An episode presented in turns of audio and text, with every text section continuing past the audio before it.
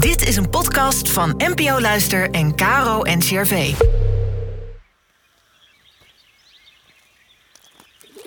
Welkom bij de Kloostercast. De podcast met antwoorden op alledaagse levensvragen vanuit de kloostertraditie. Inspiratie voor je dag.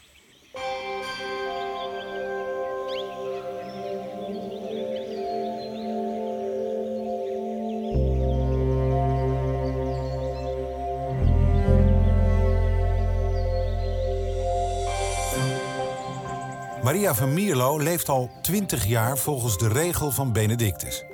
In deze podcastaflevering staat zij stil bij de vraag: hoe kan ik lief hebben?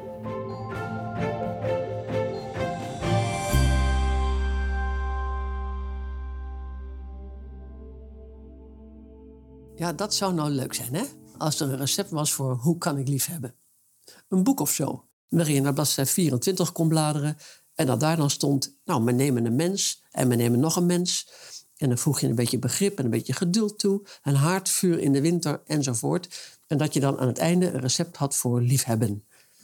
Helaas, de heilige Benedictus heeft misschien wel een recept. Hij heeft het zelfs over een onuitsprekelijk blije liefde, waarmee we voortsnellen op de weg van God. Maar daarover straks meer. Er is geen model voor de liefde. In ieders leven heeft ze een ander gezicht.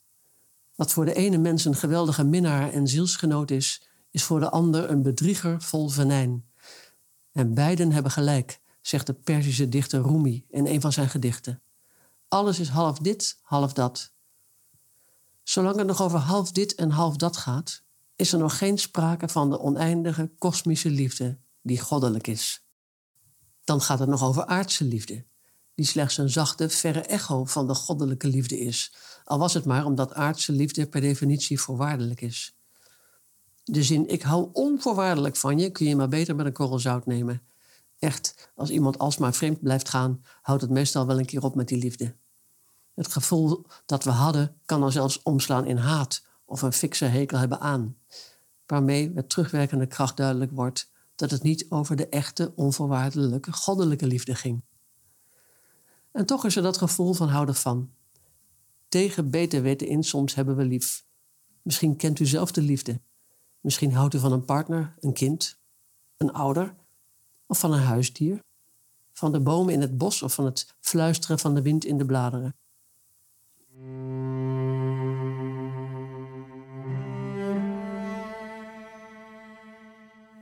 Liefhebben en liefgehad worden raken aan het diepste verlangen van de mens, omdat we uit liefde geschapen zijn. Over geen ander onderwerp is zoveel geschreven, gedicht en gezongen. Dat komt omdat we ten diepste weten dat er een liefde met een hoofdletter L is, zoals die in 1 Corinthians 13 wordt beschreven. De liefde die alles leeg maakt als je haar niet hebt. Die liefde vol geduld en goedheid, die geen afgunst kent, niet grof is, niet boos wordt. Een liefde die niet vraagt, maar verdraagt en in alles hoopt, in alles standhoudt. Dat is de liefde die nooit vergaat. In de spiritualiteit van de Cisterciënsers, een kloosterorde met de regel van Benedictus als leidraad, speelt die hogere liefde een hoofdrol. Tientallen malen komt het woord liefde voor in de regel voor monniken van de heilige Benedictus. Het is leerzaam om te zien dat Benedictus het niet over aardse liefde heeft, maar voornamelijk spreekt over de liefde van God, de liefde tot God en ons handelen uit liefde voor God. De liefde voor de mensen vloeit daar volgens hem uit voort, maar hij wijt er niet eens zo heel veel woorden aan. Hij noemt de onderlinge broederliefde maar één keer, als iets wat bijna vanzelf spreekt. De hogere liefde, die mag onze drijfveer zijn. Niet wilskracht, maar liefde moet ons motiveren en in beweging brengen. En daar is die onuitsprekelijke blijheid mee verbonden, waar ik het aan het begin over had. Het klinkt misschien als een mega ingewikkelde opdracht iets onbereikbaars, maar het ligt voor het oprapen. De liefde zal gebeuren zodra wij ophouden met iets doen. In het klooster zeggen ze daarover: het zal aan jou gebeuren. En zo is het. Dat wil zeggen, als je het laat gebeuren. Als er iets is dat je helpt bij liefhebben, is het die overgave. Ja, maar als ik de controle loslaat, dan wordt het een chaos. Dan zeg ik: ja, dat klopt. Een leven in liefde is onvoorspelbaar. Je weet vandaag niet wat er morgen gebeuren zal.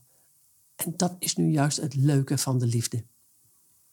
Gun jezelf bij wijze van experiment vandaag eens de lol van één moment de controle en het denken loslaten. En kijk dan eens hoe dat voelt en wat er gebeurt.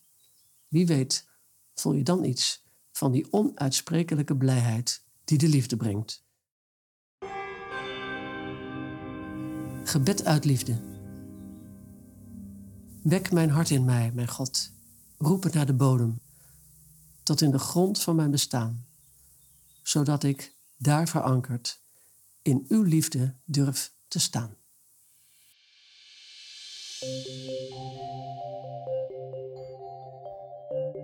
Zuster Monica Razen vertelt de volgende keer hoe we in ons drukke bestaan meer vrijheid kunnen ervaren.